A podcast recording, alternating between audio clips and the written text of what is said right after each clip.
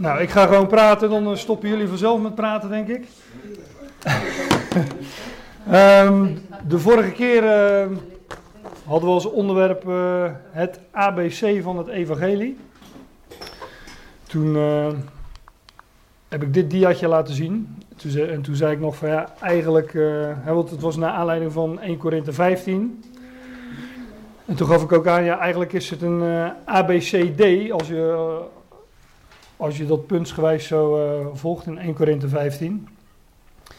Um, nou, hadden als titel, uh, het is altijd een beetje lastig als je een thema aankondigt, hadden we het ABC van het evangelie, maar we zijn niet, niet veel verder gekomen dan A, dacht ik. Dus, uh, en ook deze keer um, blijven we daar toch een, een beetje steken. Dat klinkt wat negatief, maar um, Paulus zegt in 1 Korinthe 15 dat hij ten eerste heeft overgegeven dat Christus stierf, dat hij werd begraven, dat hij werd opgewekt. Dus we hebben het wel over, uh, maar dat voelen jullie ook al aan natuurlijk, over hele fundamentele dingen. Hè? Um, als het gaat over wat is nu het evangelie, ja, dan is het ook wel het eerste wat, wat je naar voren brengt. Christus stierf voor ons. Hij werd begraven en hij werd opgewekt.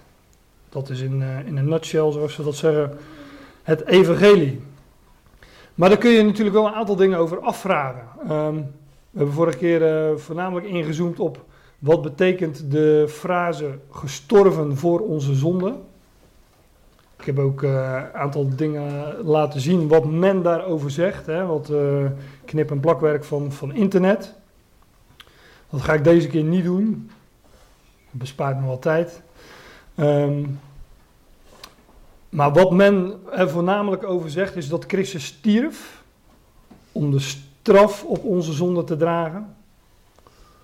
Um, dat hij stierf, of dat hij stierf om, om, een, uh, om voor ons de schuld aan God te betalen. Dat is natuurlijk gewoon een andere variant.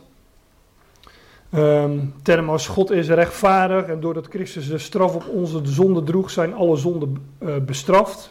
He, een soort van vergelding. Iemand moest, uh, die zonde moesten bestraft worden. En Christus uh, droeg voor ons die toorn of die straf, hè, als een soort bliksemafleiden. En dan uh, komt ook Gods toorn om de hoek kijken. God was boos en dat moest, die toorn moest gestild worden. Verzoening door voldoening. Hè, dat zijn volgens mij vrij gangbare reformatorische termen. Plaatsvervangend sterven. Hè. Christus stierf in onze plaats. Ik heb Fem vanmorgen geïnstrueerd. Ik zeg, uh, de, de, de trap is geen plek om te spelen. Weet je nog vorige keer? Ik zeg, ja, dat weet ik nog. Ik zeg, dus het wordt of beneden of boven. Boven dus. Als je maar duidelijk bent, dan... Uh... Wij, hebben, wij hebben ook geïnstrueerd. Je kan het geluid ook aan. En praat zachtjes. Maar al deze zaken die men erover zegt, die zijn, hoe bekend ze ook klinken, volkomen vreemd aan de schrift. En we hadden het na afloop vorige keer over van, ja, er zijn natuurlijk wel een aantal schriftgedeelten waar men die gedachten inleest. Maar ik zei toen ook, dan moet je het er eerst inleggen en dan, ja, dan kun je het er weer uithalen. Maar dat is natuurlijk geen, uh, geen bijbelstudie, geen schriftstudie. We zouden bezien wat de schrift uh, daarover zegt. Nou, ik heb toen onder andere aangezegd van... Uh, Jezaja 53 is zo'n gedeelte. En nou, toen kwamen we tamelijk democratisch tot de conclusie dat we het uh, wellicht deze keer, de volgende keer, dat is deze keer dus, daar maar eens over moesten gaan hebben. Dus bij deze, we gaan naar uh, Jezaja 53. En ik was eerst van plan, ik heb altijd een week of twee om dit voor te bereiden, want er zit meestal twee weken tussen natuurlijk. Nou, in die eerste week uh, ben ik daar meestal niet zoveel mee bezig. Ik denk er wel een beetje over na. Maar in die tweede week dan, uh, ja, dan, uh, dan nadert die zondag. De druk. Ja, dan, dan, neemt de druk toe natuurlijk. En dan moet je toch dan moet je keuzes gaan maken. Ik dacht er in eerste instantie om, om het gedeelte vers voor vers, woord voor woord te gaan bespreken. Met, met, wat, met wat uitstapjes eventueel. Maar dat gaan we in een ochtend niet redden. Dus ik moet daar toch ik, mo ik moet daar toch wel eh, gewoon met, uh, nou ja, niet al te grote stappen, maar ook niet al te kleine stappen doorheen. Want er zitten nogal wat dubbele bodems in Jezaja 53. Ik ga daar af en toe een beetje op wijzen, omdat ik, nou ja, um, ik, jullie krijgen, hoe noem je dat, geen, geen totale uiteenzetting over Jezaja 53, maar ik zal af en toe wel wat dingen noemen voor de, voor de fijnproevers die dat uh, nog eens na willen zoeken en daar dieper in willen duiken. Maar Jezaja 53, ik denk dat dat wel redelijk bekend is, is een gedeelte dat gaat over het lijden dat op de Messias komen zou. En zijn heerlijkheid daarna volgende. Um, het zijn woorden die Israël straks in de toekomst bij hun bekering in de mond zal nemen. Als ze zien, als ze weten wie hun Messias is, als ze hem zullen erkennen, dan zullen ze deze woorden spreken, dan zullen ze deze woorden zeggen over hun Messias die zij al die tijd miskend hebben. Ik zit een beetje de kring eh, rond te kijken of dat, uh, of dat enigszins bekend voorkomt. Als, als, je dat nog, als je dat nog nooit gehoord hebt, dan. Uh, Oké, dan uh, wordt het wellicht een, uh, een pittige ochtend. Maar waar een wil is, is een weg. En nou ja, als ik te snel ga, ik, ik neem het op, dat ding loopt. Dus luister het dan nog eens na. Maar dat zijn wat inleidende woorden waar ik natuurlijk niet al te veel aandacht aan kan, kan besteden. Want um, als ik hier aan wat ik nu gezegd heb echt inhoud ga geven. Een aantal zaken komen vanzelf tegen als we Jezaja 53 doornemen. Maar als ik daar verder inhoud aan ga geven, ja, dan uh, is de ochtend om voordat we daadwerkelijk aan het bespreken van het hoofdstuk toekomen. Nou, het lijden dat op de Messias komen zou, maar ook zijn heerlijkheid daarna, daar gaat Jezaja 53 over. Maar het hoofdstuk vangt aan met een vraag. Eigenlijk twee vragen. Wat ik overigens doe, ik volg gewoon de vertaling, dus, de Statenvertaling. En de uitstapjes die ik maak om wat tijd te besparen, zodat we niet uh, elke keer hoeven te bladeren, die, uh, die heb ik op, uh, op het scherm gezet. Ook voor jullie gemak. Maar Jezaja 53 vangt aan met een vraag. En er staat, wie heeft onze prediking geloofd? En, vraag 2, maar dat is eigenlijk hetzelfde, die zou kunnen lezen. Namelijk, aan wie is de arm des Heren geopenbaard? Nou, je zou op zijn minst verwachten dat in dit hoofdstuk het antwoord op die vragen wordt gegeven. Wie heeft onze prediking geloofd? En aan wie is de arm van Yahweh geopenbaard? Als je nu een uh, half vers terugkijkt, Jezaja 52 vers 15, 15b wordt er dan, daar staat, want de welke het niet verkondigd was, die zullen het zien. En welke het niet gehoord hebben, die zullen het verstaan. Dus daar wordt eigenlijk al het antwoord op gegeven op de, de vragen in uh, Jezaja 53 vers 1. Maar die Jezaja 52, 53, uh, dat wordt nogal eens aangehaald in het Nieuwe Testament. Um, en Jezaja 53 vers 1 bijvoorbeeld, lezen we van in uh, Johannes 12. Daar gaat het over Israël. En als we dan de vraag hebben wie heeft onze prediking geloofd en aan wie is de arm des Heren geopenbaard. Nou, dan staat er in Johannes 12, dan gaat het over de Heer Jezus.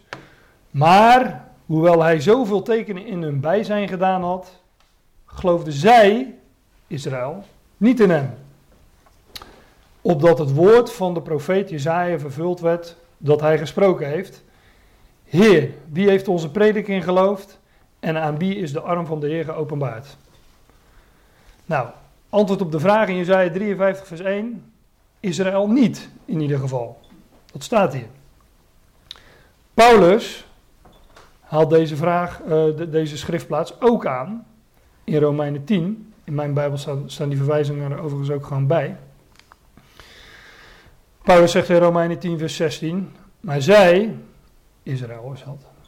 Maar zij zijn niet allen het evangelie gehoorzaam geweest. Jezaja zegt namelijk, Heer, wie heeft onze prediking geloofd? Dus het antwoord op de vraag uit vers 1 is in ieder geval, nou, Israël niet. Nou, wie dan wel? Wij weten dat intussen.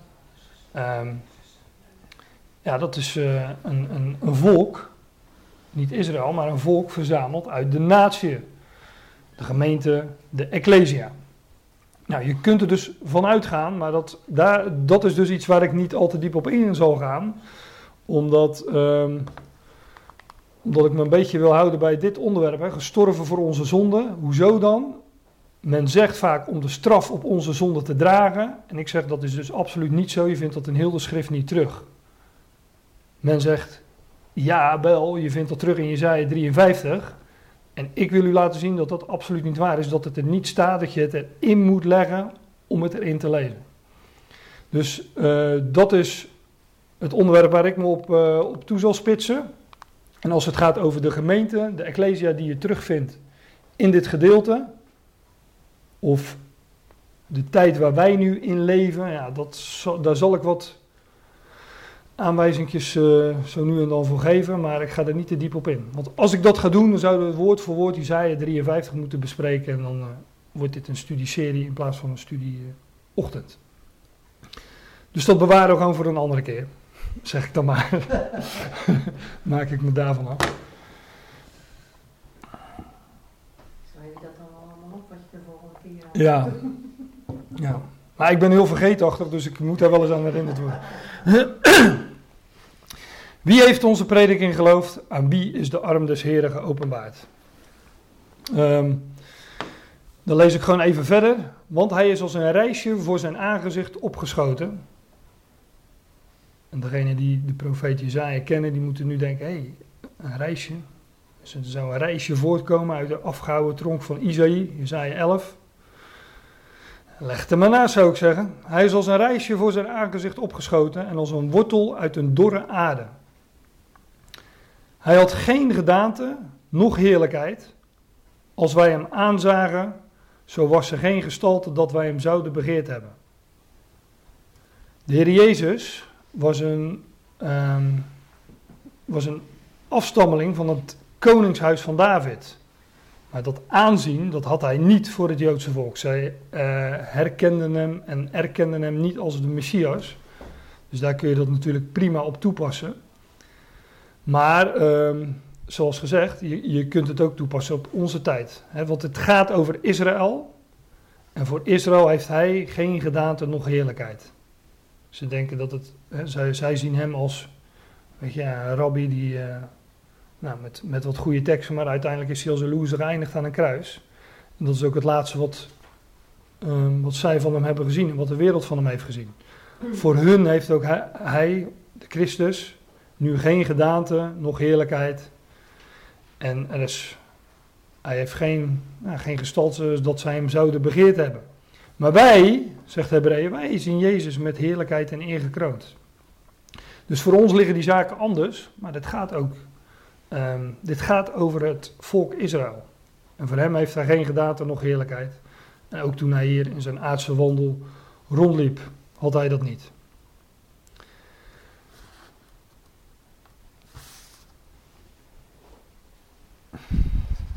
Hij was veracht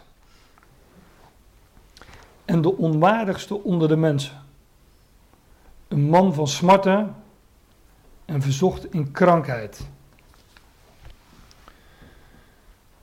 En ieder was als verbergende het aangezicht voor hem. Hij was veracht en wij, Israël, wij hebben hem niet geacht.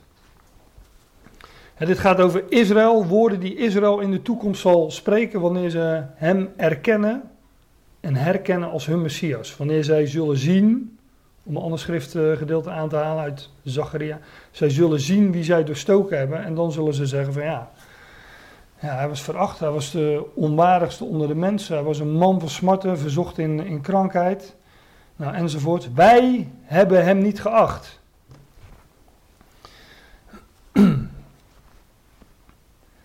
Ja, hij was dus veracht, dat is hij nog steeds, door Israël, door de wereld.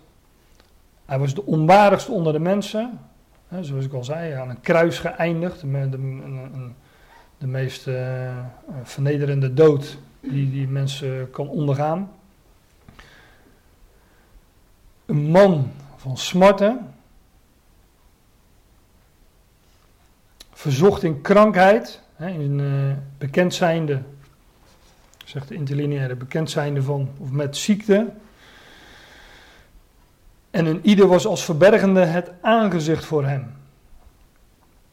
Nu dacht ik tot gisteravond um, dat wat hier staat, in de kanttekeningen van de Statenvertaling staat, uh, dat een alternatieve lezing van deze term, hij, een ieder was als verbergende het aangezicht voor hem, dat een ieder, staat in de Statenvertaling schuin gedrukt, staat er dus niet, dat er zou staan, hij was als verbergende het aangezicht van hem. Dat spreekt natuurlijk ook over onze tijd. Hij was, of hij is, als verbergende zijn aangezicht. Nou, je kunt zo wat schriftplaatsen noemen die dat ook letterlijk zeggen. Dat God zegt, ik zal mijn aangezicht ganselijk verbergen. Ik zal mijn aangezicht verbergen voor, Israël. En ik zal toezien, ik zal zien wat hun lieder einde wezen zal. Volgens mij vind je dat uh, bijvoorbeeld in de laatste hoofdstukken van Deuteronomium. 8, 9, 8 29 in die buurt. Maar um, ja, als ik die, uh, dat is wel een bijbelse waarheid, maar als ik die interlineaire zo bijpak, dan uh, vraag ik me af of dat, uh, of dat er inderdaad staat. Hij was als verbergende het aangezicht van hem. En alles staat en valt een beetje volgens mij, als ik het zo zie. En als verberging van gezichten, van aangezicht, vanaf hem. Als vanaf, is, dat is toch echt voor hem. Hè?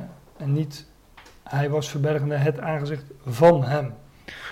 Nou, ik zei al, was gisteravond half elf toen ik er nog even naar keek en toen ik, uh, toen ik daarop kwam. In eerste instantie dacht ik uh, ja, dat die lezing zoals de kanttekeningen van de Statenvertaling dat ook aangeven, dat, dat, dat het wel klopt. Ook omdat het prima past in onze huidige tijd. Maar ook al past het, dat wil nog niet zeggen dat het hier staat. Dus ik geef hem even mee uh, voor wat het waard was. Um, ja, en ieder, nou, Kijk, het, het, onderwerp van de zin is natuurlijk wel, hij was veracht. Hij was de onwaardigste onder de mensen. Hij was een man van smarten. Hij was verzocht in krankrijk, krankheid. En dus zou het op zich ook logisch kunnen zijn als er staat, hij was als verbergende het aangezicht van hem. Hij was veracht en wij hebben hem niet geacht. Nou ja, Dit gaat dus over Israël. Wij hebben hem niet geacht. Wij rekenden niet met hem. Namelijk als, als Messias. Wij rekenden niet met hem. Vers 4. Waarlijk, hij heeft onze krankheden op zich genomen. En onze smarten heeft hij gedragen. Maar wij achten hem dat hij geplaagd, van God verslagen, geslagen en verdrukt was.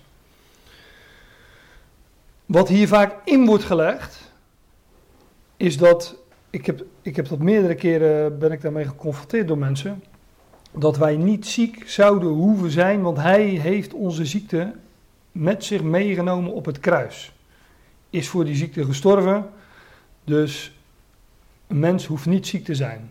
Dat zijn meestal mensen die uh, claimen dat, uh, dat, de, dat de genezen van zieken nog... Uh, ja, dat, dat het iets is uh, voor deze tijd, hè, de, de manifestaties daarvan. En men doet dan onder andere een beroep op dat vers van waarlijk, hij heeft onze krankheden op zich genomen.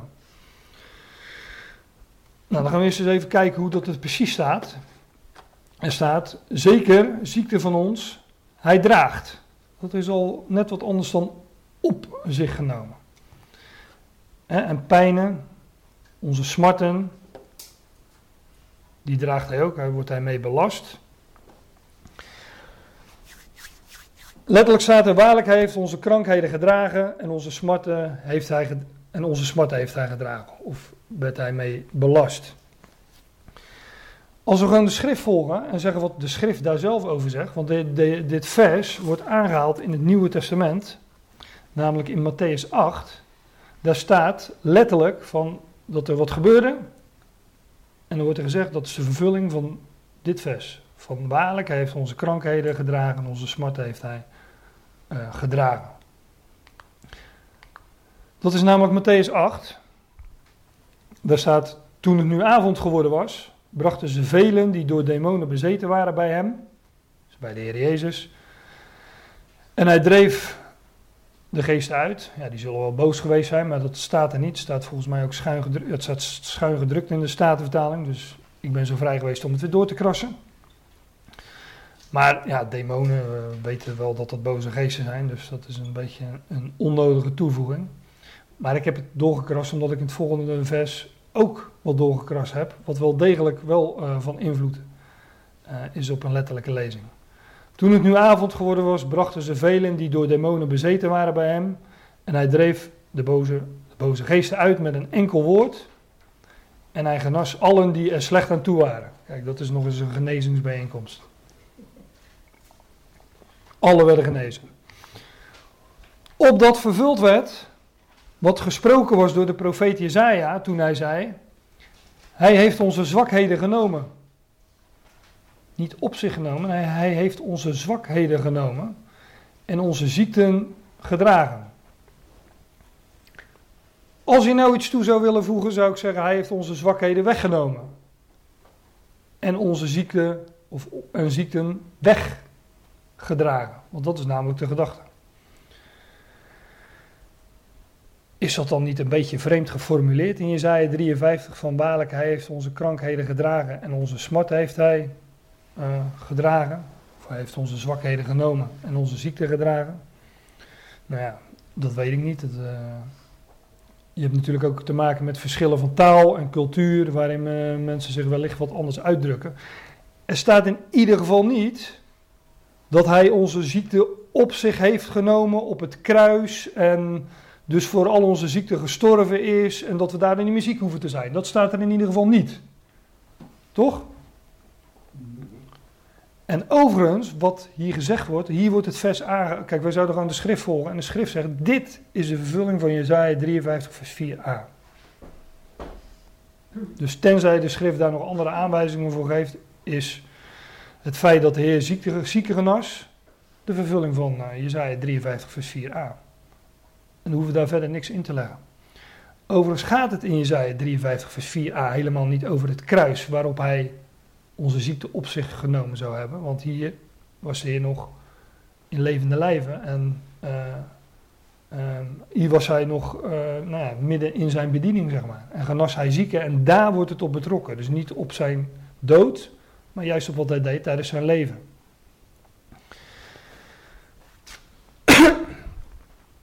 Waarlijk, hij heeft onze ziekten genomen, onze zwakheden genomen en ziekte gedragen. En dan staat er in uh, Jezaja 53 vers 4b.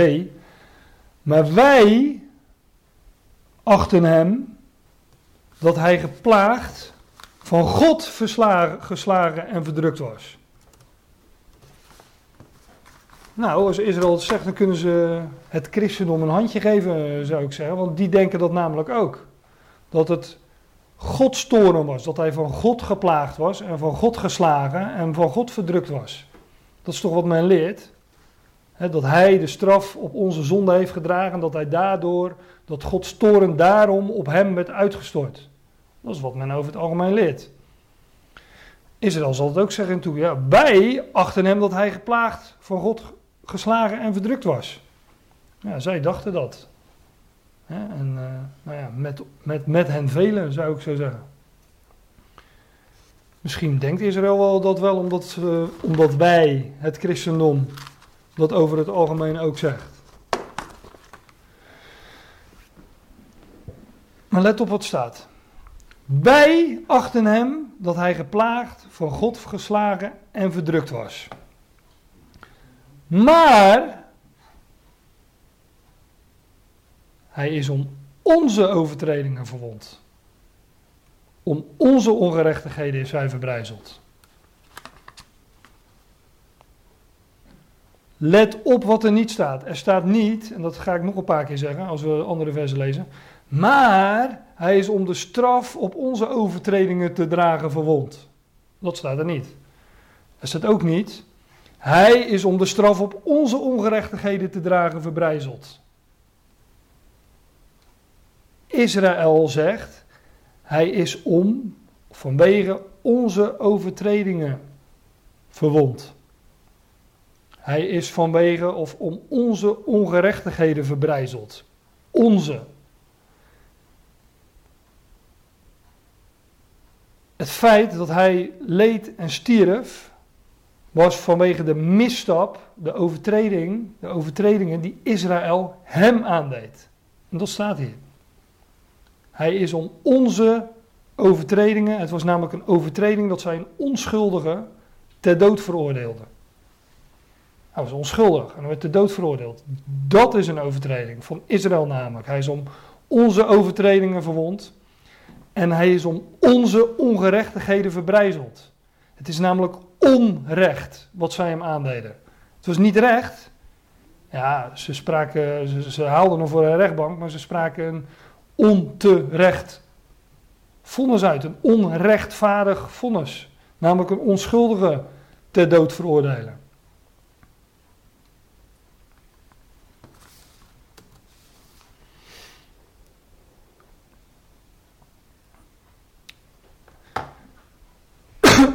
Dat was overigens wel voorzegd dat dat zou gebeuren.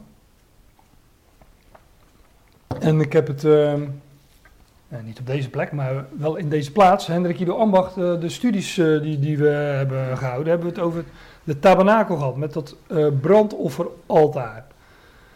Ehm, daar werden offers opgebracht en dat moest een ga. Nou, dat, we hebben niet uitgebreid over die offers gehad, ik heb dat wel een paar keer aangehaald, maar vaak je als het gaat over het offerlam dat geofferd moest worden Um, dat het een gaaf, mannelijk, zoveel jaar, meestal jaar geloof ik, eenjarig lam moest zijn, maar in ieder geval een gaaf, een volkomen, een volmaakt lam moest geofferd worden. Nou, dat was de Heer ook. Hij was volmaakt in al zijn wegen, in zijn spreken, in zijn daden. En het was de, en, uh, en al die lammeren in het, uh, lammetjes in het Oude Testament, ja, die zijn een vooruitwijzing naar dat ware paaslam dat geslacht zou worden. En dat is, wij zouden zeggen, ja maar toch zonde, dat zo'n goed, gaaf lammetje dat het geslacht wordt, ja, dat, dat is inderdaad zonde, ja. Maar van de Heer is dat ook zo. Want hem die geen zonde gekend heeft, heeft hij, schot, ten behoeve van ons, voor ons, tot zonde of zonde gemaakt. Het was zonde dat zij hem kruisigden. Hij is tot zonde gemaakt. Ik haal dit vers aan omdat men overigens in dit, omdat men in dit vers ook leest dat hem die geen zonde gekend heeft ten behoeve van onze straf op de zonde gedragen heeft. Maar ook hier staat het niet. Hij is tot zonde gemaakt. Hij was namelijk een, hij heeft, hij was, hij was een volmaakt mens en die heeft men onterecht, onrechtvaardig ter dood veroordeeld. En daardoor, daardoor is hij door hen, door, maar uh, onder de regie van God, daardoor is hij ten behoeve van ons tot zonde gemaakt.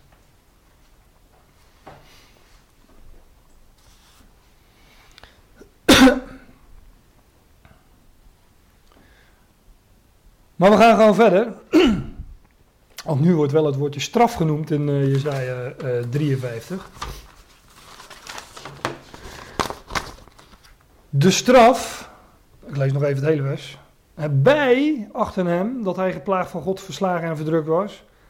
Maar hij is om onze overtredingen verwond. Om onze ongerechtigheden is hij verbrijzeld. De straf die ons de vrede aanbrengt was op hem.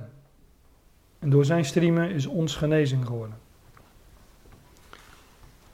Ook hier ga ik weer zeggen wat er niet staat. Er staat niet, hij droeg de straf op onze zonden die ons de vrede aanbrengt. Staat er niet.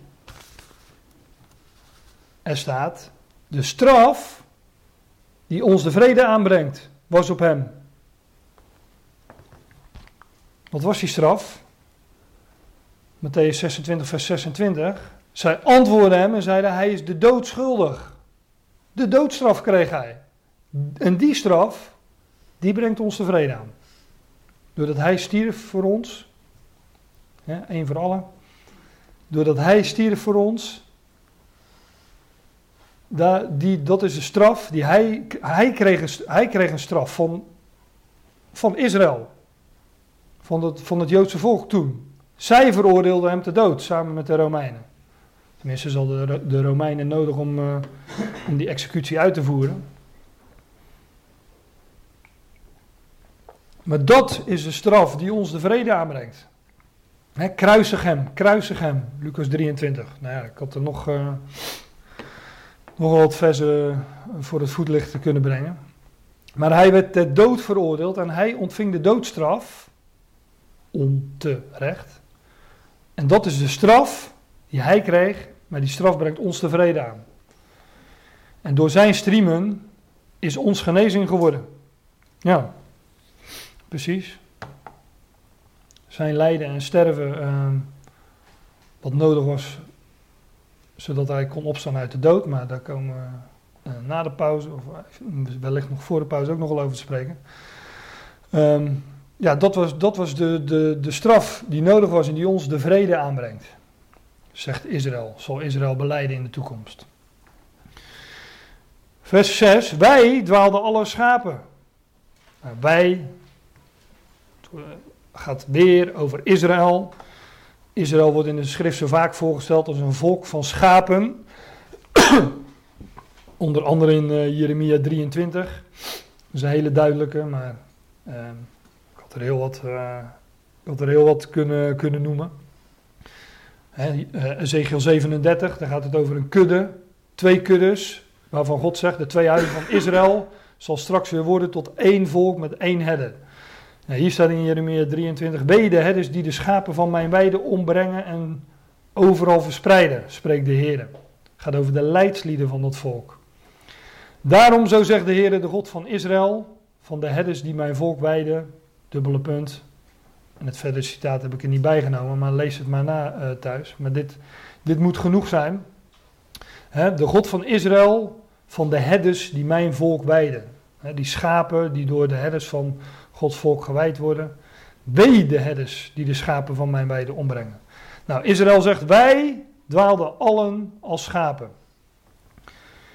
Wij keerden ons in ieder naar zijn weg. Doch, maar de Heere heeft ons aller ongerechtigheid op hem doen aanlopen.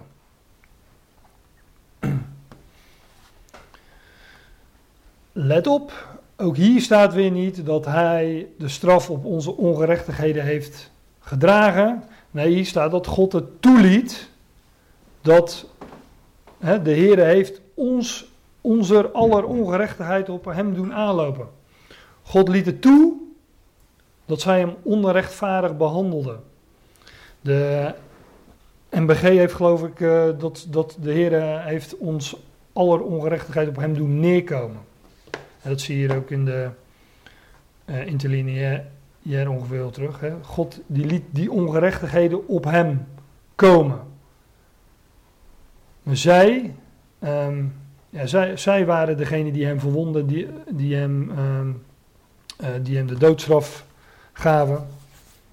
Maar God gaf hem daartoe over. Nou, dat, dat, dat refrein vind je bijvoorbeeld in Handelingen. Ik heb een aantal schriftplaatsen voor u, maar lees het boek Handelingen maar eens door. Ik denk dat je zo 10, 15 keer dit idee tegenkomt, wat ik uh, nu naar voren breng. Zij gaven hem de doodstraf, maar zoals ik net al zei, onder de regie van God.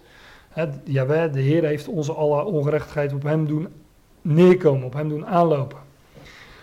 Handelingen 4 vers 10, Jezus Christus de Nazarener, die u gekruisigd hebt, maar die God uit de doden opgewekt heeft. dat is het aandeel van de mens, dus zijn kruisiging. De mens zei dood en verderf.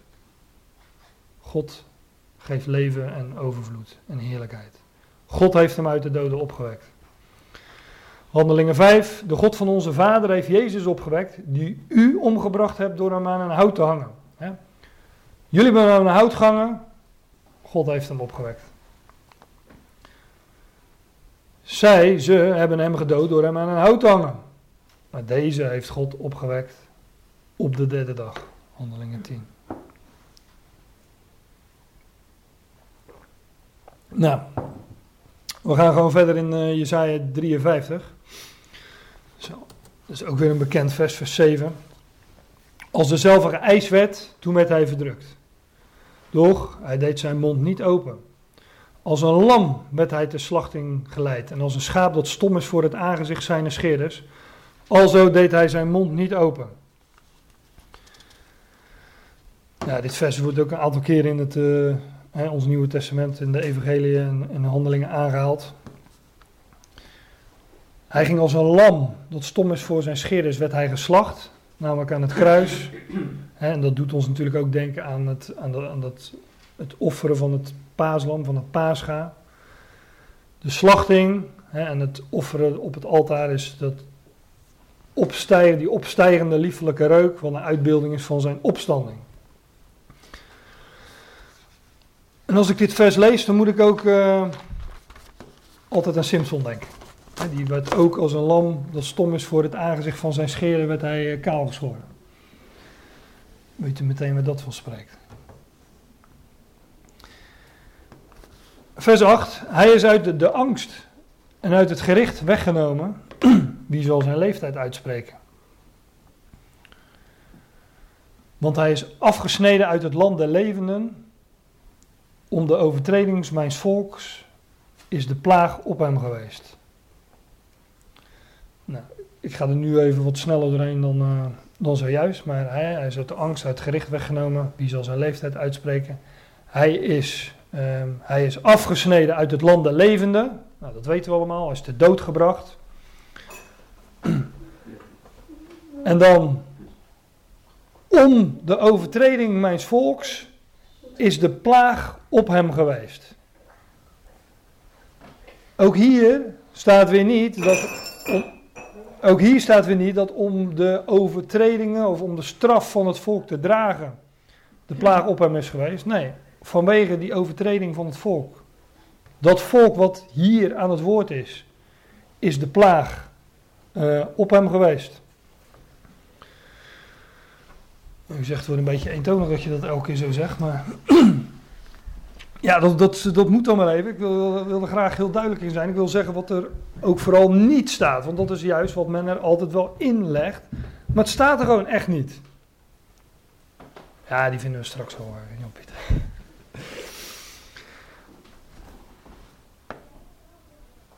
Men heeft zijn graf bij de goddelozen gesteld gekruisigden, die, werden, die kregen niet zo'n heel, uh, heel erg eervolle begrafenis. Nee, die kwamen ergens uh, op een, uh, nou ja, volgens mij, als ik het oneerbiedig mag zeggen, een soort massagraf terecht. Maar er werd verder niet, niet al te veel aandacht aan besteed natuurlijk, aan zo'n begrafenis. Men, men heeft zijn graf bij de goddelozen gesteld. Maar, of en, hij is, in de, hij is bij de rijken in zijn dood geweest. Dat weten we, hè? dat was Jozef van Arimathea. Nou, dat is blijkbaar een uh, rijk man. Um, er zijn ook wel, wel hele interessante buitenbijbelse uh, bronnen die daar uh, die dingen zeggen over, over Jozef van Arimathea. Maar die bewaar ik voor de pauze, want het is geen bijbelstudie. maar men had zijn graf bij de goddelozen gesteld maar hij is bij de rijken in zijn dood geweest. En dat is ook de situatie van nu. Hè? Men heeft zijn graf. Hè, men, denkt, men denkt van nou uh, Israël, want daar gaat het over. Men denkt van hij is te dood gebracht. Het laatste wat zij van hem hebben gezien is een kruis. Maar hij is bij de rijken in zijn dood. Hè, zij, zij, zij achten hem nu als, als dood. Maar bij, wij zijn toch rijk? Hij is bij ons in zijn dood. Wij kennen die gestorven Heer die voor ons opgewekt is. Voor hen is hij dood. Ja, voor ons niet. Hij is nu bij de rijken in zijn dood. Nou, wij zijn die rijken, onder andere. Er zit, nogal, er zit een dubbele bodem in, als je het mij vraagt. Maar die is voor de pauze. Omdat hij geen onrecht gedaan heeft, nog bedrog in zijn mond geweest is. Nou, inderdaad, hij heeft geen onrecht gedaan. Ehm, er is geen bedrog in zijn mond geweest. Ze hebben een rechtvaardige, op onrechtvaardige wijze gedood en veroordeeld. En dat is de overtreding van het volk, dat is de, dat is de overtreding van het volk die hem heeft verbrijzeld en die hem heeft verwond. En dat is de straf die ons de vrede aanbrengt. Oh, ja, ik zeg ons eigenlijk. Hier gaat het natuurlijk over Israël. Zij zullen dat in de toekomst beleiden, maar wij weten intussen dat dat natuurlijk ook voor ons geldt. Maar het is die straf die ook Israël de vrede aanbrengt. Hier gaat het over Israël. Maar het is een beetje lastig praten over ons als je intussen meer weet dan natuurlijk uh, uh, Israël nu en straks. Als je de brieven van Paulus kent, dan, uh, ja, dan, dan, lees je toch met een zekere vooringenomenheid deze dingen. maar, oh, dus, ja, dat is natuurlijk ook het vers 10, het behaagde, het behaagde de Heere hem te verbrijzelen. Hij heeft hem krank gemaakt. Um, hij doet dat krank, dat staat letterlijk verwond. Jawel, hij schept behagen en verpletteren van hem. Hij doet verwond zijn. Um, ik heb ooit wel eens iemand uit horen leggen dat hier staat: het beha zijn verbrijzeling behaagde de Heer. Dus dat is een hele passieve vorm. Um, ja, ik, ik ben. Uh, mijn Hebreeuws is niet zo heel goed, dus ik geef hem te kennisgeving mee. En als iemand daar wel uh, licht op kan laten schijnen, dan hoor ik dat graag. Ik zie het hier in de interlineair ook niet echt terug dat het zo zou zijn, maar het zou best uh, kunnen. Kijk, het idee is natuurlijk dat uh, hij werd verbrijzeld en verwond door het volk Israël. En dus zou, zou hier kunnen staan, het zijn verbrijzeling behaagde Yahweh. In plaats van het de Heere hem te verbrijzelen. Maar zoals we net ook in handelingen zagen, ja, God heeft hem daartoe wel degelijk overgegeven aan zijn, uh, aan zijn haters. Ja, hij heeft hem krank gemaakt, hij heeft hem uh, verwond, of doet, nou hier, dit is dus wel passief, hè? hij heeft hem doen uh, verwond zijn, hij heeft hem daartoe overgegeven.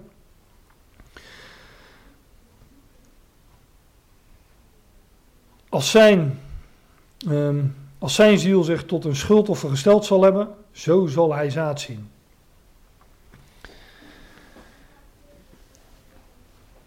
Christus droeg de schuld, was daarmee een schuldoffer. Maar hij droeg niet de straf op de zonde of hij betaalde niet de schuld aan God. Nee, hij droeg de schuld van het volk. Door wat zij hem aandeden, val ook in, in herhaling, maar dat zij dan maar zo. Door wat zij hem aandeden, door de doodstraf die zij hem op onrechtmatige wijze gaven, laden zij een schuld op zich. dus, en Christus droeg, die droeg of verdroeg, zou wel duidelijk in Nederlands zijn, Christus, hij, verdroeg dat. En hij onderging dat en hij, uh, hij onderging die straf. En hij deed zijn mond niet open. als een schaap dat stom is voor het aangezicht zijn scheerders. Als zijn ziel zich tot een schuldoffer gesteld zal hebben, zo zal hij zaad zien. Hij zal de dagen verlengen en het welbehagen des Heren zal door zijn hand gelukkiglijk voortgaan.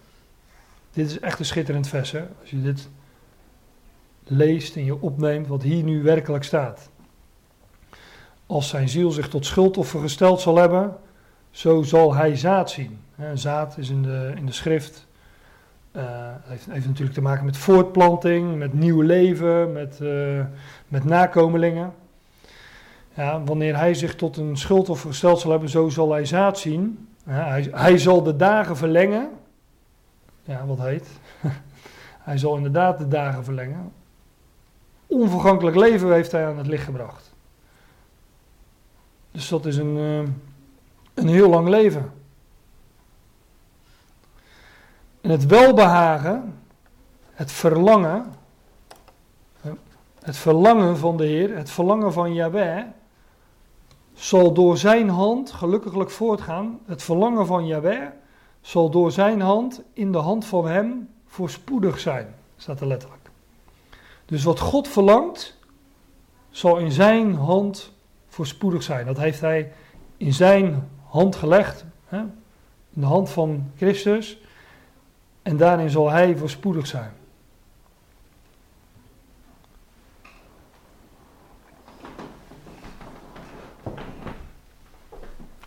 Gegroet. Tot de volgende keer.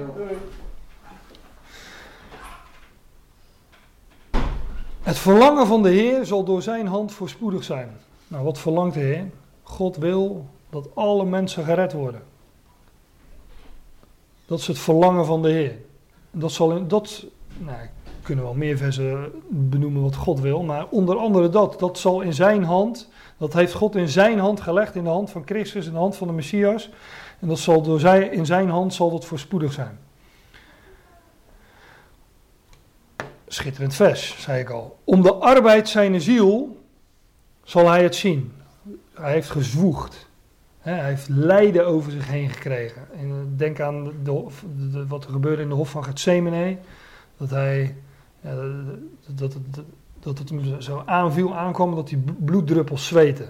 dat, dat, ja, de Heer was een mens van vlees en bloed. Hè? Hij is aan vlees en bloed deelachtig geworden. Daar kom ik denk ik na de pauze nog op terug als we dat uh, gaan redden. Een vers in Hebreeën. Hij heeft aan vlees en bloed deel gekregen. Dus hij heeft dat, ja, heeft dat lijden ook over zich heen gekregen. Dat was, dat was een, een gezwoeg. Harde, zware arbeid. Om de arbeid, om het gezwoeg van zijn ziel, zal hij het zien. Wat zal hij zien? Nou, het verlangen van de Heere, wat in zijn hand voorspoedig zou voortgaan uit het voorbeeld. Hij zal dat zien. Hij is namelijk de eersteling die is opgewekt door God en die onvergankelijk leven aan het licht brengt voor heel de schepping. Hij zal dat zien om de arbeid van zijn ziel en verzadigd worden. Dus wat hij wil, wat hij voor ogen heeft, wat hij zich, um, wat, wat, ja, waarvoor hij het allemaal deed. Daarin zal hij verzadigd worden. Dat is niet een enkeling. Hij had niet een enkeling op het oog. Hij is de redder der wereld. Staat er in de, wordt hij een aantal keer al in de evangelie genoemd. Hij is de redder der wereld. Hebreeën zegt dan, hij heeft het kruis gedragen en de schande veracht om de heerlijkheid die hem voorgesteld was. Om de arbeid, om het gezwoeg van zijn ziel zal hij het zien. Hij heeft het kruis gedragen, schande veracht. Omdat hij wist, hij, hij kende uit het woord de heerlijkheid die hem voorgesteld was. Hij wist wat hij hem te doen stond. Dat had hij, ja, dat had geleerd uit het woord. We, we weten niet zo heel veel over de Heer Jezus, van zijn twaalfde tot uh, pak een beetje zijn dertigste levensjaar. Hè, totdat hij eh, als kind, maar we weten wat hij op zijn twaalfde al deed, namelijk in de tempel, was hij die schriftgeleerde aan het bevragen. En uh, misschien ook wel aan het onderwijzen. Dat, daar was hij mee bezig. Dus daar zal hij tussen zijn twaalfde en zijn dertigste ook mee bezig geweest zijn.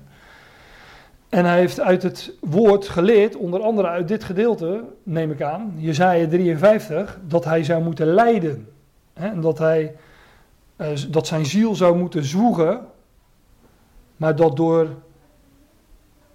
dat door in zijn hand het verlangen van de Heer, van zijn God, van zijn God en Vader, voorspoedig zou zijn. En hij heeft dat gezien en hij wist dat hij verzadigd zou worden in wat hij voor ogen had.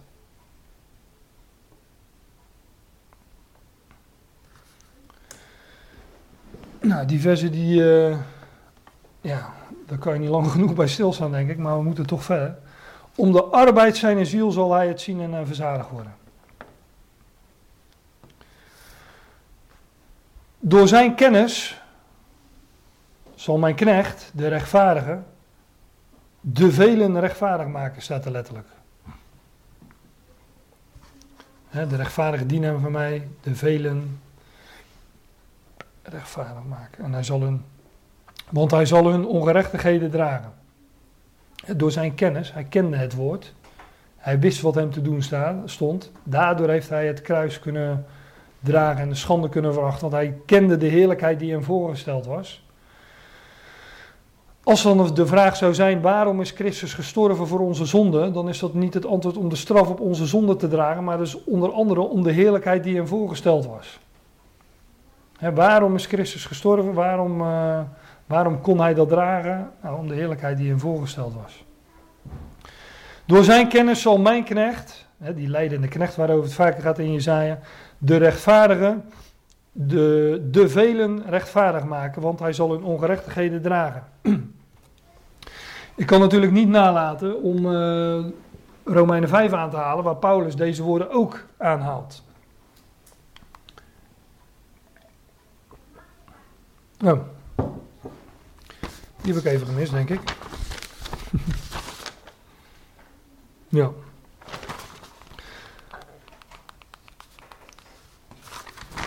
Paulus zegt in Romeinen 5, haalt hij dit schriftgedeelte aan, Jezaja 53.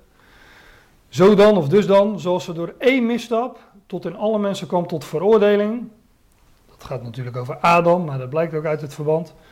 Zo komt het ook door één rechtvaardigheidsdaad tot, tot in alle mensen tot rechtvaardiging van leven.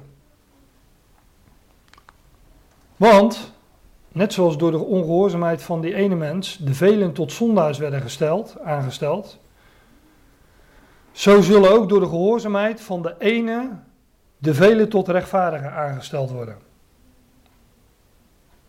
en dit zijn, vers 19, zijn natuurlijk de woorden uit, uh, uit Jezaja 53, vers 11, die Paulus hier aanhaalt. En dan gaat het over Israël, in Jezaja 53, vers 11. God zal, uh, de, de, de Messias zal de velen rechtvaardig maken. En Paulus zegt dan, uh, nou, zoals door de ongehoorzaamheid van die ene mens de velen tot zondaars werden aangesteld, zo zullen ook door de gehoorzaamheid van de ene de velen tot rechtvaardigen aangesteld worden. Maar Paulus betrekt dat dus breder en hij haalt die woorden aan en zegt, nou, zoals ze door één misstap tot alle, of tot in alle mensen komt tot veroordeling, zo komt het ook door die ene rechtvaardigheidsdaad van Christus tot alle mensen tot rechtvaardiging van leven. Waar het in Jezaja nog alleen gaat over Israël, is Paulus de apostel van de natie, die ja, die hier ook weer een uh, mooi staaltje laat zien van het completeren van het woord van God. Het aanvullen van het woord van God. Want hem was dat gegeven om het woord van God te completeren.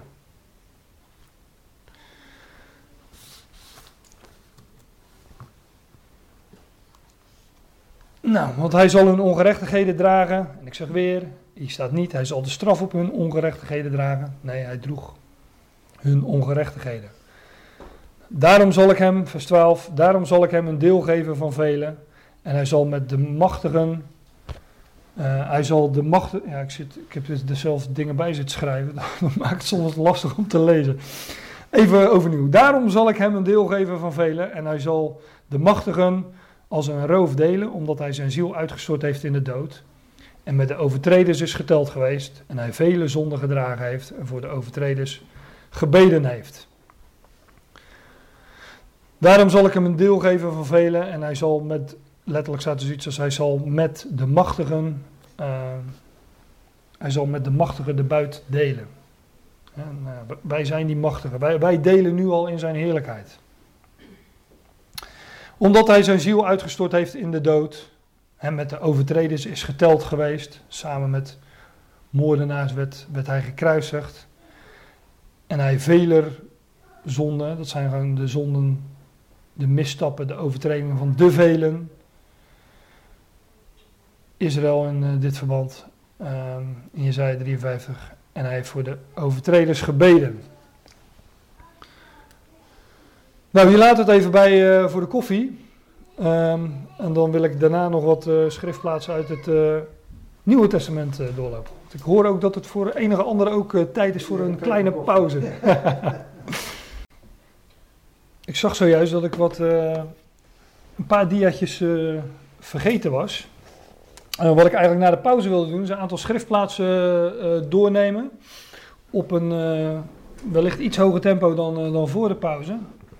Um, waarin dat idee van die straf of die schuldbetaling aan God ook wel eens wordt gelegd. Um, maar toen ik, um, toen ik Even kijken, klik, klik. Ja, toen ik dit aanhaalde, toen had ik daar uh, nog twee dia's. Um, met, twee, met, met, met, met, twee schriftplaatsen die toch ook wel de moeite waard zijn. Dus die pak ik er nu toch nog maar even bij. En daarbij hopend uh, dat ik uh, aan het eind van het verhaal niet in tijdnood kom. Fem. Je weet wat we afgesproken hebben, toch? Daniel, Zou je even of op je kamer willen gaan zitten of beneden? Daniel, ga maar verder mee met haar. Ja? Dankjewel. Ik was duidelijk geweest, maar blijkbaar moet je dus in de pauze dat nog een keer de afspraken herhalen. Ja, Ja. Op- Op de weg ook, als er een kruising is geweest, de woorden herhaald. ja. ja. Maar goed, we hebben het over Christus die gestorven is voor onze zonden. Ehm, ja, je zou je af kunnen vragen eh, wa- waarom dan en, eh, enzovoorts. Nou, gelukkig eh, heb ik in de pauze ook eh, nog wat dingen aan kunnen halen. Dus in de pauze gaan we gewoon door. Maar dit, niet dit, maar dit is een, een schriftplaats. Die, de, die dit bijvoorbeeld ook zegt, Romeinen 4, vers 25. Die om onze overtredingen is overgeleverd en opgewekt om onze rechtvaardiging. Dus ehm, dat idee, dat, wa- daar hadden we het in de pauze trouwens ook eh, even over. Ehm, nou, dan zou ik weer terug moeten klikken naar die vers in Handelingen. Maar in Handelingen waar gezegd wordt, hè, jullie hebben hem gekruisigd, wordt er tot Israël gezegd. Door, eh volgens mij waren alle drie de verse woorden van Petrus. God heeft hem opgewekt.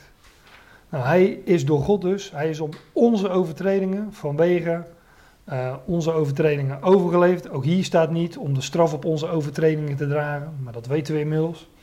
Hij is om onze overtredingen overgeleverd, namelijk om, om ons daarvan te bevrijden. En hij is opgewekt om onze rechtvaardiging. Zodat wij vrijgesproken zouden worden, gerechtvaardigd. Dit is 1 Petrus 2. Ehm, maar daar worden ook die woorden uit Jezaja aangehaald. Daardoor eh, had ik het er nog even bij gepakt. Maar dat vergat ik dus, dus die krijgen jullie nu eh, als bonus. In de tweede helft, zeg maar. Huisslaven. Dit is overigens herziene statenvertaling. Die is wat leesbaarder, dus daar, eh, daarom heb ik die in de, in, de, in de PowerPoint geplakt. Met af en toe een, een kleine correctie. Huisslaven, wees uw meesters met alle ontzag ondergeschikt. Niet alleen hun die goed en welwillend zijn, maar ook die verkeerd handelen. Want dat is genade als iemand om het geweten voor God dingen verdraagt die hem pijn doen en daarbij ten onrechte leidt. Want wat voor roem is er als u het geduldig verdraagt wanneer u zondigt en daarvoor sla- slagen ontvangt? Maar als u het geduldig verdraagt wanneer u goed doet en daarvoor leidt, is dat genade bij God. Dat is een lange inleiding van eh, Petrus op eh, wat hij gaat zeggen. Want hiertoe bent u geroepen, omdat ook Christus voor ons geleden heeft. Hij laat ons zo een voorbeeld na, opdat u zijn voetsporen zou navolgen. En dus wij, nou ja, ehm, degene tot wie dit gezegd wordt, laat ik het zo zeggen. Petrus is apostel van de besnijdenis. Zijn brieven zijn ook in eerste instantie eh, gericht aan, eh, aan dat volk. Maar heel de schrift eh, is nuttig. En kunnen we dus ook onze lering uittrekken. Maar Petrus haalt dus hier Christus als voorbeeld aan voor, voor deze wandel. Die ik op, die ik op dit diatje li- liet zien. Hè. Gewoon een schik je in je positie. Ook al ben je een slaaf. Hè, en dan niet alleen slaven met een goede heer, maar ook de slaven die een heer hebben die verkeerd handelen. En dan zegt hij, want hiertoe bent u geroepen. Omdat ook Christus voor ons geleden heeft. Hij laat ons zo een voorbeeld na, opdat u zijn voetsporen zou navolgen. Hij die geen zonde gedaan heeft en in wiens mond geen bedrog gevonden is. Nou, die woorden kennen we inmiddels. Hè, Want hem die geen zonde gekend heeft, heeft hij ten behoeve van ons tot zonde gemaakt. Hij kende geen zonde, hij was rechtvaardig, eh, maar hij is wel tot zonde gemaakt. Onrechtvaardig behandeld en als een zondaar gekruisigd. Die toen hij uitgescholden werd, niet terugschold. En toen hij leed, niet dreigde, maar het overgaf aan hem die rechtvaardig oordeelt. Die zelf onze zonde in zijn lichaam gedragen heeft op het hout. Ik lees even verder. Opdat wij voor de zonde dood, voor de gerechtigheid zouden leven. ook hier zegt Petrus niet, die zelf de straf op onze zonde in zijn lichaam gedragen heeft. Staat hier niet. Of dat hij de schuld zou betaald hebben aan God. Nee, dat, dat lezen we. De, ik hoop u niet meer, maar dat lezen we of ze voor mijn part er allemaal in, maar het staat er niet. Zij hebben hem onrecht aangedaan, want Peter spreekt hier tot Israël. Zij hebben hem, uh, zij hebben gezondigd door hem aan een hout te hangen. En daar gaat het over. Die zelf onze zonde in zijn lichaam gedragen heeft op het hout, opdat wij voor de zonde dood, voor de gerechtigheid zouden leven. De woorden die we in de pauze aanhaalden uit de Romeinen 6, vers 11 was het. Reken dan dat je voor de zonde dood bent. Dat, zo heeft God ons bevrijd van die zonde. We zijn vrijgekocht, um, met hem gekruisigd, met hem gestorven en daardoor dood voor de zonde. Opdat wij voor de zonde dood, voor de gerechtigheid zouden leven. En dan, inmiddels bekende woorden, door zijn striemen bent u genezen. Want u was als dwalende schapen. Maar u bent nu bekeerd tot de herder en opziener van uw zielen. Nou, dat zijn natuurlijk de woorden uit Jezaja 53 die Petrus hier aanhaalt. Dus dat uh, wilde ik er graag nog even bij betrekken. Alsnog. En ik wil nu uh, een aantal schriftplaatsen afgaan waar, uh, um, ja, waar over deze zaken gesproken worden. Allemaal schriftplaatsen uit het Nieuwe Testament. Pakken even naar boven lopen en die, die deur dicht doen. Die hebben ze opengelaten.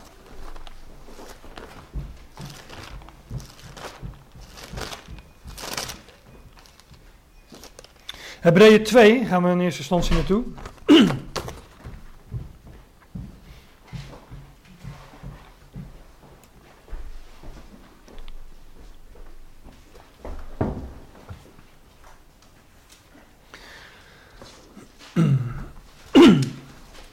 Hebreeën 2 vers 14.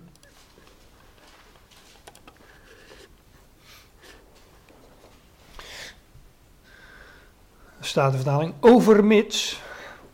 Dus omdat. dat is de oude versie van omdat. Uh, omdat dan de kinderen aan vlees en bloed deelachtig zijn. Die woorden haal ik voor de pauze al even aan. Omdat de kinderen. Ook hier gaat het overigens in het verband uh, over de kinderen Israëls. Um, blijkt uit het voorgaan omdat het een aanhaling is uit Jezaja ook uit Jezaja. Omdat dan de kinderen aan vlees en bloed deelachtig zijn, zo is hij ook, net zo, desgelijks derzelfde deelachtig geworden. Dus omdat de kinderen, de kinderen Israëls van mij apart, mensen van vlees en bloed zijn, zo is hij ook, heeft hij ook deel gekregen aan vlees en bloed. Had hij daar ook deel aan. En dan de reden, opdat Opdat,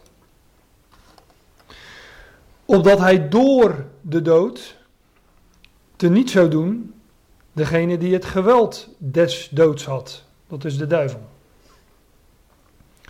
Christus is dus aan vlees en bloed. Heeft hij deel gekregen. Hè, opdat hij door. Ik ken een Bijbelleraar die zegt altijd: dia is doorheen. Daar moet je doorheen lezen, want hij is door de dood heen gegaan. Maar dat zegt het woord door eigenlijk ook al, hè? door de dood. Als je door de dood gaat, ben je, blijf je niet in de dood. Dan ga je er door. Maar doorheen is dan wellicht net wel duidelijker. Opdat hij door de dood heen te niet zou doen. Degene die, staat de vertaling zegt, het geweld, degene die de kracht, macht van de dood had, dat is de duivel. Um, ik weet niet of hier zijn met andere vertalingen dan de Statenvertaling. Volgens mij heeft de MBG hier, die de macht over de dood had. En ik heb gezien dat de herziene Statenvertaling dat ook heeft. Die hebben dus uh, fout herzien. Dat staat er gewoon niet. Er staat dat hij de macht hebbende, de kracht hebbende van de dood. God en Christus hebben de macht over de dood. Kijk, dus de, de duivel heeft macht van de dood. Hij heeft namelijk macht om te doden. Maar wanneer we spreken van macht over de dood, ja, dat betekent dat, dat je dat, zoals Christus dat had, ja, die was bij machten om doden op te wekken. Dat is macht over de dood. Nou, hm? Nee, vanuit de dood. Ja, ja. Nou, en dat, dat, dat, dat heeft de duivel dus niet. Die heeft de macht van de dood, namelijk om dood en verderf te zaaien. Maar Christus heeft de, de macht over de dood. En hij is um, aan vlees en bloed heeft hij deel gekregen, staat hier. Opdat hij door de dood, door die dood in te gaan, degene die het geweld van de dood had, de duivel, uh, te niet zou doen of buiten werking zou stellen. Satan had de macht van de dood, heeft de macht van de dood van mijn part. En dat is natuurlijk een ontzettend krachtig wapen. Totdat. Totdat er daar een was die uit de dood opstond. Uit de dood werd opgewekt door. Hè, toen Christus werd opgewekt door God de Vader. Ja, toen was daarmee de dood overwonnen. En um, het is 1 Korinthe 2, vers 7, om, om en nabij vers 7, waar staat: Als de overheden en machten van deze eeuw dat geweten hadden, hadden ze hem niet gekruisigd. Dus de duivel had een ontzettend krachtig, machtig wapen. Ja, totdat. Totdat hij daar de dood inging en er uh, uit op werd gewekt en uit opstond. En zo overwon hij de dood. He, Jezus betaalde die prijs. Hij stierf. En hij overwon.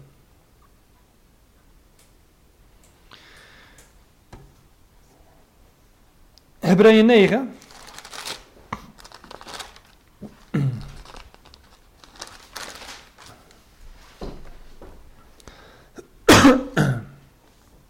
Dat is vers 21.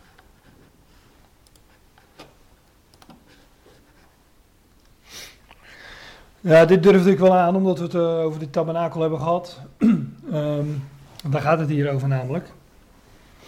In vers 21 staat: um, Hij, dat is Mozes, hij besprengde desgelijks ook de tabernakel en alle vaten van de dienst met het bloed. Weet jullie dat nog? Dat, uh, dat we, toen we het over die tabernakel hadden, dan al die voorwerpen werden tot Mozes gebracht en daar werd bloed op gesprengd. En zo werd dat uh, ingewijd. Uh, gereinigd staat er ook. Hè. Wij, worden, wij worden ook gereinigd door dat bloed. Dat, dat is hier uh, de uiteenzetting in, in Hebreeën. Het bloed van Christus reinigt ons. Geweten van dode werken. Het is het bloed um, dat gevloeid heeft door dat geslachte lam. Maar dat lam dat inmiddels, hè, zoals dat offer werd gebracht en opsteeg tot een liefelijke reuk voor de Heer dat lam is, in, zoals Christus is opgewekt, zo steeg dat de, de reuk van dat lam um, omhoog. De slachting en het offer. En met dat bloed van dat geslachte lam, dat inmiddels ten hemel was gevaren, als we dat uh, beeld doorzetten, dat, dat bloed van Christus, die is gestorven, geslacht, maar is opgewekt, dat werd het heiligdom ingedragen door die hoge priester. En uh, daarmee werden dus alle, ook bij de inwijding van de tabernakel, alle voorwerpen van de dienst werden daarmee besprengd. Maar dat wijst natuurlijk, toen wees het vooruit, maar zou ik nu zeggen dat wijst, ja, dat wijst, in, dat wijst op, dat, op het bloed van Christus. Maar dat bloed van hem die eens stierf voor ons en die nu leeft aan Gods rechterhand. En dan staat er, alle dingen worden bijna, vers 22, alle dingen worden bijna door bloed gereinigd naar de wet. En zonder bloedstorting geschiet geen vergeving. Nou, letterlijk staat hier, daar hebben we het dus vorige keer over gehad. Zonder bloedvergieting of bloeduitgieting geschiet er geen, het Griekse aphesis, hè, laten gaan en laten gaan. Ik heb toen die, die schriftplaats uit Lucas 4 aangehaald. Daar wordt het vertaald met vrijheid en bevrijding. Wanneer je vrijgekocht bent als slaaf en je kreeg aphesis, je werd in vrijheid gesteld, dan was je dus bevrijd. Dus zonder bloedstorting geschiet er geen bevrijding. Wat men hierin legt, is dat God eerst bloed zou moeten zien om te kunnen vergeven. Maar dat staat hier niet. Ook dat moet je er weer inleggen. Hier wordt gewoon het feit gesteld dat, ehm, dat onder de wet al die zaken werden gereinigd door bloed. Dat was de manier waarop dat gedaan werd. En inderdaad, dat wijst vooruit naar Christus. Ehm, maar het zegt niet dat God eerst bloed moet zien om te kunnen vergeven. God bewijst juist zijn liefde in die bloedstorting. Al kruisigen jullie mijn zoon, mijn enige zoon die ik lief heb. Ik reken het jullie niet aan. Ik ga jullie juist door die daad het leven geven. Nou, als dat, uh, als dat geen vergeving puur zang is, dan weet ik het ook niet meer. Juist door die aller, aller, allergruwelijkste daad. Dit is het slechtste wat men ooit heeft kunnen doen. Hè? De zoon van God die hij stuurde, kruisigde men, bracht men te dood. En God zegt, ik reken jullie dat niet aan. Nee, ik ga jullie juist door die daad, jullie vergeving, verzoening, bevrijding geven. Ik ga jullie bevrijden van zonde. En ik ga heel de schepping uh, het leven geven door die daad.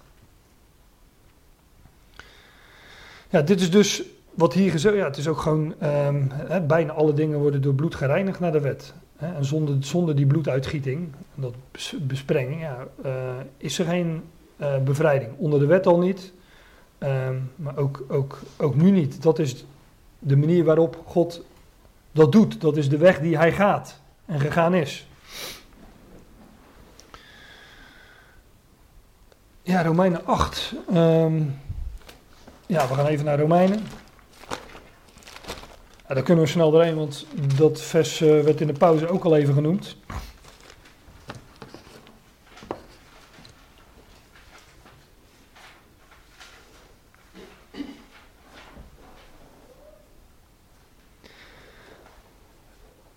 Hadden wij straf verdiend.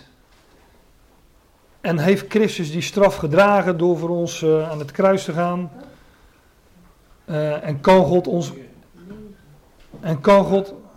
Nou, dit is Hebreeën, maar ik, ik, zal even doorklikken inderdaad. Romeinen 5 vers uh, 8.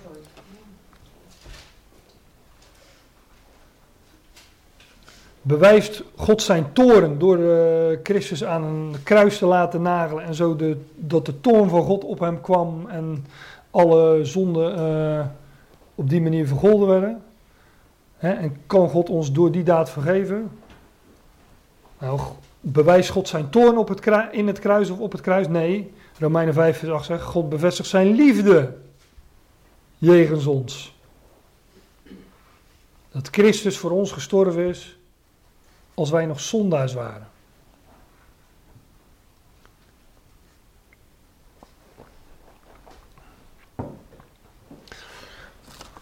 Ik blijf niet te lang bij stilstaan. Romeinen 14.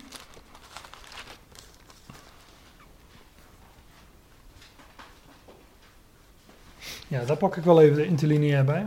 Romeinen 14, uh, vers 9.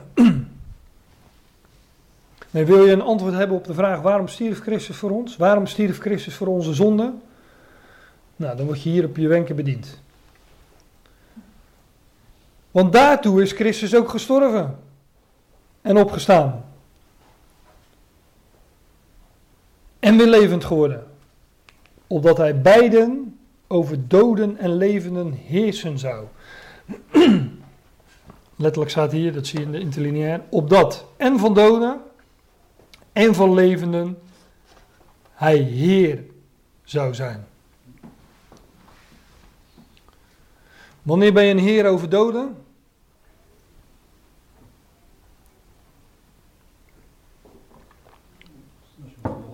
Als je de macht hebt om ze levend te maken. Als je de macht over de dood hebt, inderdaad. Zoals dat uh, abusieflijk met betrekking tot de duivel in Hebreeën 2 in sommige vertalingen staat. Maar hij is heer over doden en over levenden, namelijk omdat hij het leven heeft in zichzelf en ehm, aan de doden het leven gaat geven. Ja, ik zou hier nog een paar schriftplaatsen bij aan kunnen halen. Bijvoorbeeld uit uh, Romeinen 10 en het uh, handel, dat ga ik niet doen. Maar ik noem het wel even. Um, kan ik natuurlijk weer net nu zo snel niet vinden.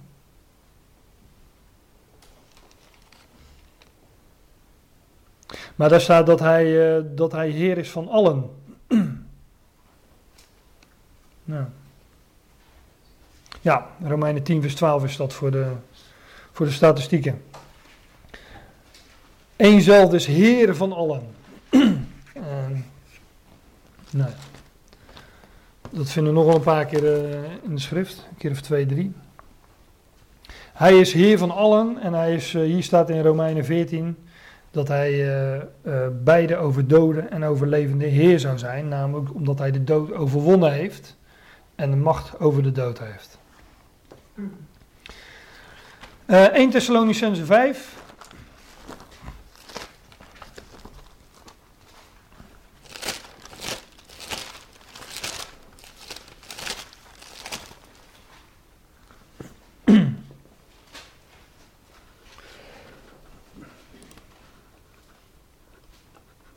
Ook dat is uh, letterlijk een antwoord, 1 Thessalonicense 5 vers 10, op de vraag waarom hij dan voor ons stierf.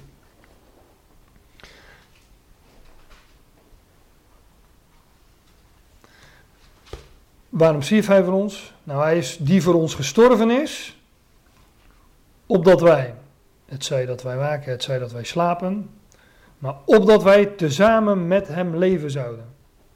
Daarvoor is hij voor ons gestorven. Hij is gestorven voor ons, opdat wij tezamen, samen met hem, samen met hem zouden leven.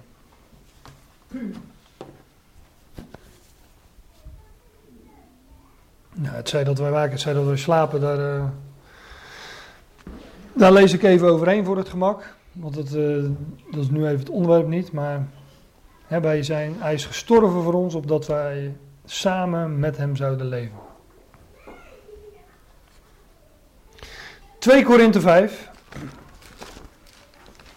Daar waren we al even, uh, omdat daar, die tekst staat van uh, dat hij voor ons tot zonde gemaakt is.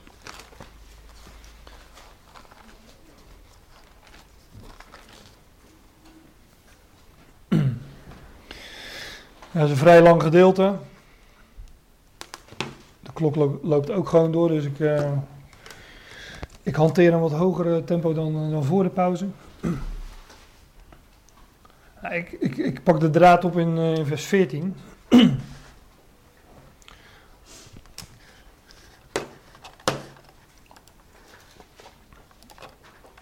2 Korinthe 5, vers 14. Want de liefde van Christus dringt ons. Niet de liefde voor Christus dringt ons, nee. De liefde van Christus dringt ons. Als die dit oordelen, dat indien één voor allen gestorven is, zij dan allen gestorven zijn. Altijd in de pauze ook over, hè? dus je, wordt op je wenken bediend. maar één stierf voor allen, zodat wij, zoals Romeinen dat zeggen, reken dan dat jullie voor de zonde dood zijn. Ja, want één stierf voor allen, dus zijn zij allen gestorven. En waarom stierf Christus voor ons? Nou, dat staat in het vervolg. Hij is voor allen gestorven, opdat degenen die leven niet meer zichzelf, niet meer voor zichzelf zouden leven, maar voor die die voor hen gestorven en opgewekt is.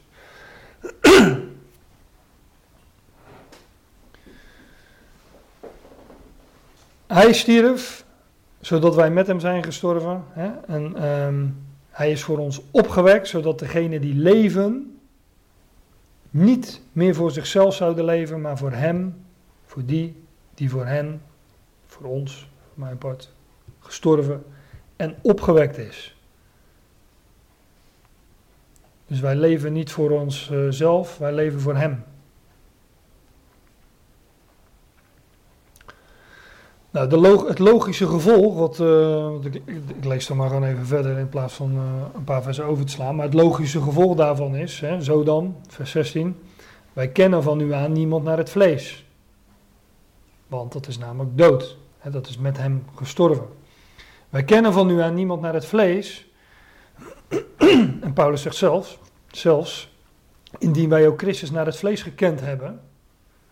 Nou, dat is voor ons uh, letterlijk niet van toepassing, maar natuurlijk wel uh, de beschrijving in de evangelie. Dat was wel Christus naar het vlees. Wij kennen van nu aan niemand naar het vlees en indien wij ook Christus naar het vlees gekend hebben, nu niet meer, zegt Paulus.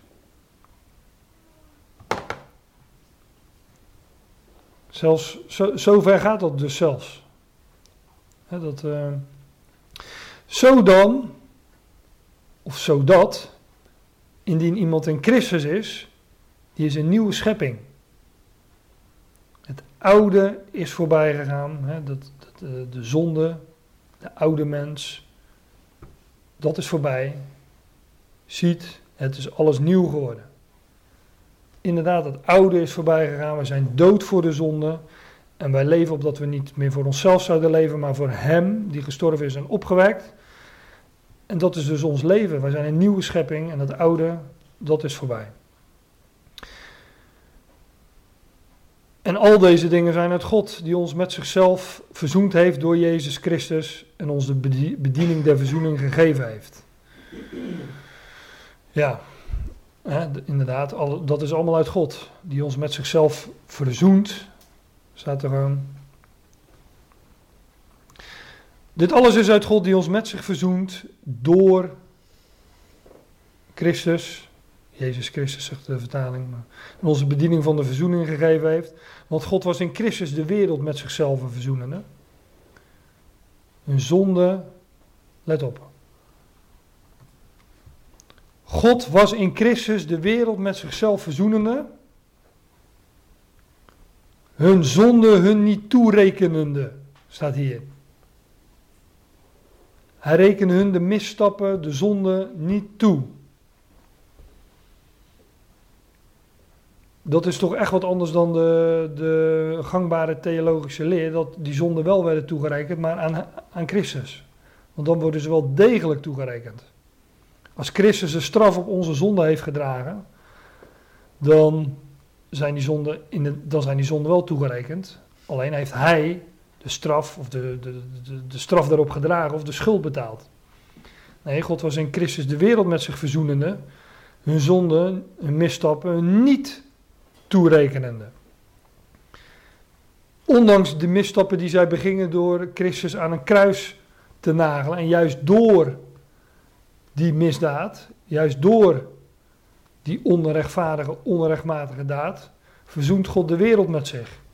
Hij zegt hij van dat, ook kruisigen jullie mijn zoon, ook brengen jullie mijn zoon ter dood, ik reken het jullie niet toe, ik ga jullie door het kruis, doorheen het kruis, door zijn dood en opstanding, ga ik jullie het leven geven. En ga ik de wereld met me verzoenen.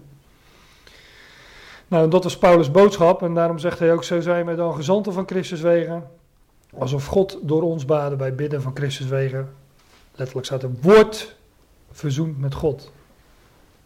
Leef daaruit. En dan dat vers, want die geen zonde gekend heeft, heeft Hij zonde of tot zonde voor ons gemaakt. Ten behoeve van ons hè, is Hij tot zonde gemaakt. Nou, dat zijn ook de woorden die, eh, die we in Jezaja 53, uh, iets andere bewoordingen wel, eh, wel, maar die we ook in Jezaja 53 tegenkwamen. Wat Israël in de toekomst zal zeggen. Hè, waar, waarvan Paulus nu ook zegt van ja, dat, dat het doel daarvan is dat de wereld, dat God in Christus de wereld met zich verzoent. Nou, um, ten slotte, we hadden het net al over dat uh, Jezaja 53, dat, dat, dat, dat, kunnen we al te zijn tijd nog wel eens woord voor woord, vers voor vers, zinsdeel voor zinsdeel bespreken. Ik ben hier ook natuurlijk veel te snel doorheen gegaan door 2 Korinthe 5, want uh, het is echt een schitterend gedeelte. Dus dat, uh, Laten we dat ook maar op die lijst zetten, die denkbeeldige lijst waar we het net over hadden. Geen iets te doen. Je kan terugluisteren. Ja, ja. het, het, uh, ja, ik heb uh, Hij loopt, dus uh, je kunt me erop aanspreken achteraf. Ik heb het echt gezegd. Ten slotte wil ik naar Colossense 1. Mag volgens mij niet ontbreken in een uiteenzetting als deze. Maar ook daar kan ik niet te veel aandacht aan besteden, want het is al twee minuten over twaalf, zie ik. Maar over dat, over dat vers hebben we het overigens wel eens gehad. Uh, over de verzoening van de wereld. en hier, hier, wordt het zelfs nog, nog breder getrokken. Maar wat doet God? Er staat in Colossense 1 vers 20. God maakt door hem, hè, de, dat is de eerstgeborene uit de doden, uit de voorgaande versen, de, uh, zijn zoon, de zoon zijn liefde, die het beeld is van de onzienlijke God. Hij maakt door hem vrede. God maakt door hem, door Christus vrede, door het bloed van zijn kruis. Door het bloed zijn kruises. En God verzoent, verzoent wederzijds, verzoent het al, het alles in hem vrede makende door het, door het bloed zijn kruis. En dat staat er nog achter. Het zij wat op de aarde is, wat zij wat in de hemel is. De dingen die op de aarde zijn, die dingen, op de hemel, die dingen die in de hemel zijn. Het al, het heelal, alles wordt met God verzoend door het bloed van het kruis. Daar is natuurlijk heel veel over te zeggen. Vooral omdat het natuurlijk ook op alle mogelijke manieren bestreden wordt. Maar het gaat mij nu even om dat hij ooit stierf aan een kruis dat de ultieme daad is van vijandschap van de mens. Van de mens naar, uh, naar, naar God toe en naar de zoon van God toe, door zijn zoon te kruisigen.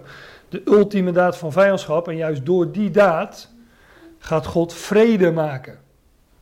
Met alles wat op aarde is en wat in de hemel is. Het al, het heelal, alles. Door God wordt door, in Christus, door hem, wordt vrede gemaakt door het bloed van zijn kruis. Door het, ja, door het bloed dat daar gevloeid heeft. En van degene die uh, inmiddels opgewekt is en zijn heerlijkheid is ingegaan. Zoals wij weten. Maar dat is dus wat er aan het kruis gebeurde. En ik zei al, volgens mij was het in de pauze, dat, het een, dat de klassieke theologie van een God die torende en uh, die de straf uh, die, die, die zijn zoon liet opdraaien, om het onerbiedig te zeggen, voor de straf die wij verdiend hadden. En dat, dat er een schuldbetaling plaatsvond aan, aan het kruis. Ja, je vindt het in de schrift echt niet terug. En ook hier staat zelfs dat God door, dat, door die daad, uh, die, die ultieme daad van vijandschap, dat daar niks aangerekend werd, maar dat juist ondanks dat wat daar gebeurde, dat God het heelal met zich gaat verzoenen. Juist door die daad heen, juist door de grootste daad van vijandschap, gaat God vrede maken met heel zijn schepping. Nou, dat is het evangelie. Dat vinden we hier, dat vinden we in 2 Korinthe 5, dat vinden we in Jezaja, maar ook in Jezaja 53. Daar spreekt heel de schrift van. Maar we moeten wel goed lezen. En ja, daardoor komen, daarom, uh, en daarvoor komen we bij elkaar. Om, uh, om zo nu en dan die dingen ook te ontdoen van een, uh, een theologische lading. En nou, ik heb wat hoog tempo gehanteerd, vooral na de pauze om toch een redelijk. Um, nou, totaal overzicht wil ik niet zeggen, want dat, uh, dat, dat, is het niet. Maar om toch wel wat schriftplaatsen de revue te laten passeren. waarin men die gedachte, die theologische gedachte legt. dat aan, op Golgotha dus straf op onze zonde betaald werd. Maar ik zeg, en dat blijf ik benadrukken. je vindt het niet in de schrift. En als u uh, toch nog schriftplaatsen hebt die ik wellicht ben vergeten. ik hoor ze graag, want dan, uh, ja, dan, uh, dan, wil ik die ook nog wel eens onder de loep nemen. Maar voor nu laten we het hierbij. Want het is letterlijk even figuurlijk 5 over 12.